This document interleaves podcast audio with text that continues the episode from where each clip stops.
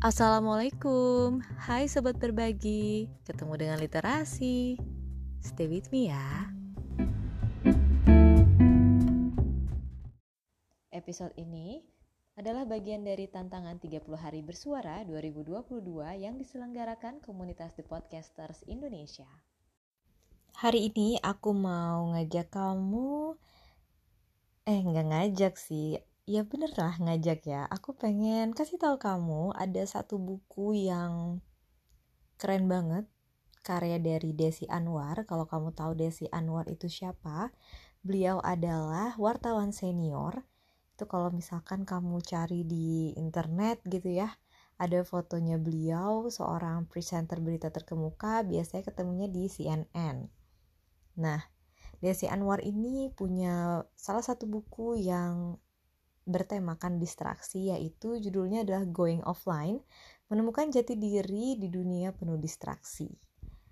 Nah, sebagian besar dari kita nih, pasti hal pertama yang kita cari adalah ponsel kan? Mau itu pas sebelum tidur maupun pada saat bangun gitu kan. Even kamu mau matiin alarm kamu. Yang kamu pakai apa? HP kan? Ponsel pasti jarang banget ada yang ngambil jam waker. Mungkin kalau misalkan ada, wow, aku apresiasi sekali. Aku tepuk tangan buat kamu. Tapi ini termasuk hal yang jarang terjadi. Jadi um, makanya aku bilang kenapa tadi uh, hal pertama yang dicari sampai sebelum tidur pun adalah ponsel atau HP gitu kan. Dan bukan hanya di situ, tapi di buku ini juga dijelasin kalau kita itu seakan-akan tuh sibuk di dunia online dan akhirnya kita mengabaikan dunia offline kita. Ya, nggak dipungkiri sih, hidup kita emang berampingan dan nggak bisa dipisahin sama dunia maya. Secara di dunia maya tuh kita ketemu sama teman-teman kita juga gitu kan. Cuman dengan cara yang berbeda. Nah, perhatiin juga nggak sih pas lagi ngumpul nih lewat apa pun gitu kan gawe-gawe kita seakan-akan tuh hanya mereka lah yang dapat memberikan kenyamanan kepada kita gitu kan terus juga mampu menerima pikiran kita yang terdalam terus juga dapat melepaskan kita dari kebosanan yang menghibur kita dan menghibur kita dengan cara-cara yang tidak akan dilakukan oleh sesama manusia. Ini dijelasin di halaman 20-nya Going Offline, karya dari Desi Anwar. Untuk tebal bukunya sendiri, um, mana nih? Aku cari dulu.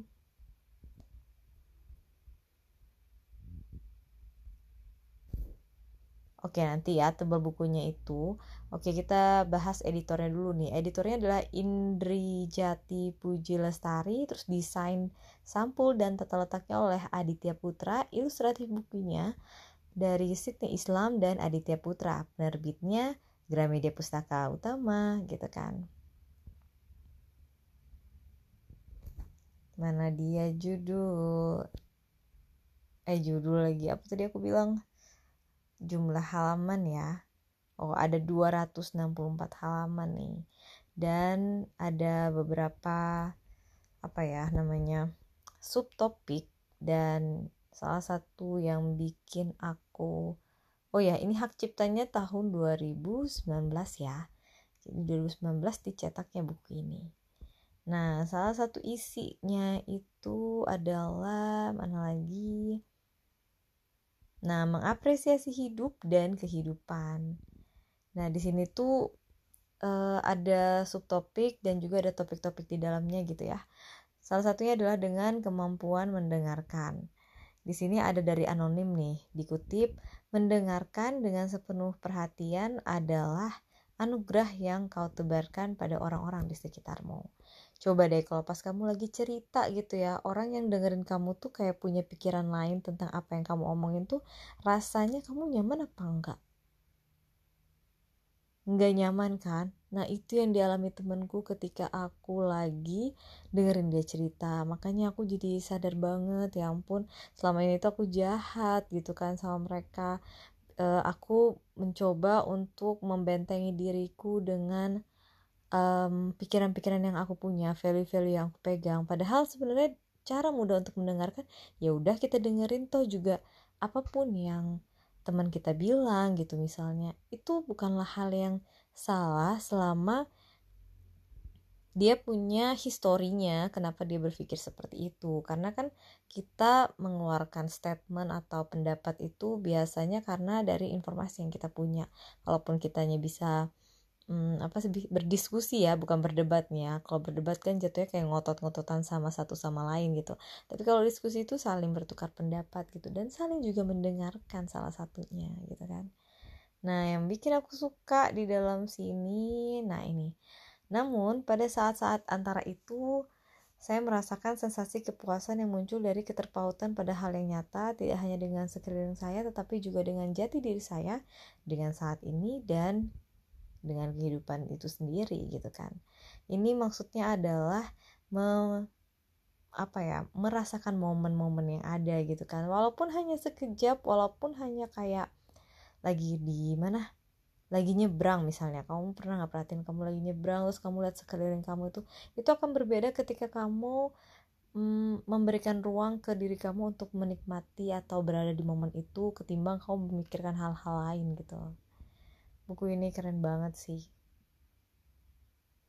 nah ini uh, yang di bold tebal jadi dia ada versi kalau judulnya pasti tebal terus ada gambar di awalnya dengan eh, kutipan-kutipan yang dipilih gitu. Contohnya adalah visi adalah seni melihat apa yang tak tampak bagi orang lain. Ini dari um, subtopik kedua yaitu seni mengapresiasi eh subtopik kedua subtopik pertama tapi topik seni mengapresiasi.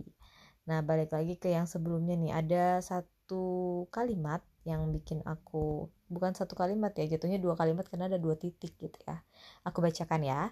Yang Jauh lebih penting sesungguhnya ketika kita terhubung dengan dunia yang ada di dalam genggaman kita setelah kehilangan oh, maaf ulang lagi yang jauh lebih penting sesungguhnya ketika kita terhubung dengan dunia yang ada di dalam genggaman kita telah kehilangan keterhubungan nyata dengan orang lain yang duduk di hadapan kita.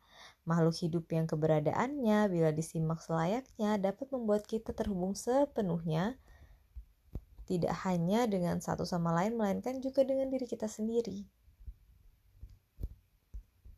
Itu sih yang bagus apa sih namanya jadi di buku ini tuh hayo hidup uh, pada dunia yang sebenarnya gitu kan. Jangan cuma melulu ada di dalam ponsel maksudnya jangan cuma melulu melulu ada um, iya bener ada di dalam ponsel ataupun untuk kehidupan online kamu gitu ya. Karena ya hidup tuh nggak yang cuman selebar handphone. Sekalipun sebenarnya handphone ini udah mirip-mirip kayak buku yang dibilang uh, apa sih namanya buku adalah jendela dunia gitu ya. Sekarang HP adalah jendela dunia ponsel adalah jendela dunia gitu kan. Aku nggak bisa mengkiri hal itu karena begitu banyak hal yang ada di dalam ponsel. Tapi dengan kita bisa menikmati merasakan apa yang ada di dalam sini apa yang ada di dalam dunia nyata gitu ya maksudnya itu tuh akan lebih bermakna gitu dan dan di buku ini dibahas banget. Jadi kalau kamu pengen cari kamu bisa cari buku ini via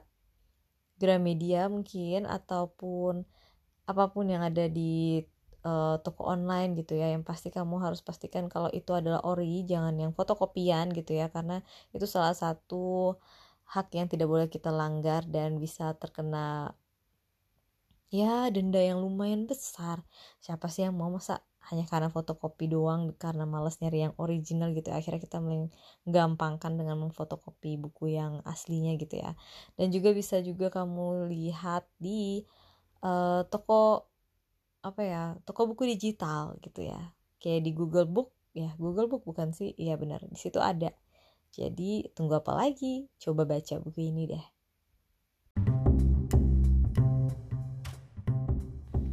Terima kasih telah mendengarkan apa yang saya bagi dan semangat berbagi.